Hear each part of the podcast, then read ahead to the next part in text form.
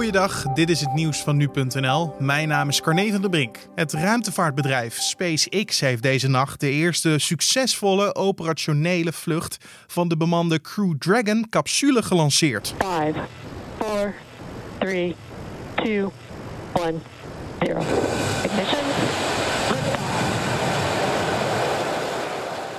In mei werd het door Elon Musk opgerichte SpaceX het eerste commerciële ruimtevaartbedrijf dat astronauten met een eigen raket en capsule lanceerde. Deze vlucht met vier astronauten is de eerste echte door SpaceX gelanceerde expeditie naar het internationaal ruimtestation ISS.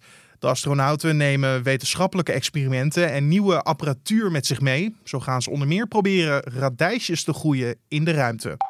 De Nederlandse krijgsmacht heeft sinds het begin van de corona-uitbraak in het geheim op grote schaal data verzameld over de Nederlandse samenleving en die geduid en verspreid in rapporten.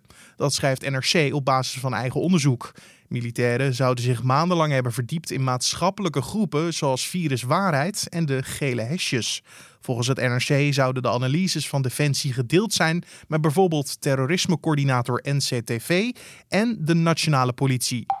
De gemiddelde leeftijd van de Nederlanders die met pensioen gingen lag vorig jaar voor het eerst boven de 65 jaar. Dat blijkt uit de gegevens van statistiekbureau CBS. Ruim 65% van de mensen die vorig jaar met pensioen gingen was 65 jaar of ouder. De gemiddelde leeftijd waarop mensen stoppen met werken stijgt al jaren. Oorzaak hiervan is onder meer dat werknemers door de overheid worden gestimuleerd om langer te blijven werken. Ook is de leeftijd waarop mensen AOW krijgen de afgelopen jaren stapgewijs verhoogd. Vorig jaar was dat 66 jaar en 4 maanden. De pro-EU-oppositiekandidaat Maya Sandu heeft de presidentsverkiezingen in Moldavië gewonnen. Sandu kreeg in de tweede ronde van de presidentsverkiezingen bijna 57% van de stemmen, tegenover 43% voor de zittende president Igor Dodon. De bevolking van de voormalige Sovjet-republiek is verdeeld over de EU. Onder aanvoering van president Dodon wil een groot deel aan innige betrekking met Rusland vasthouden, terwijl het andere deel voor toenadering met de EU is.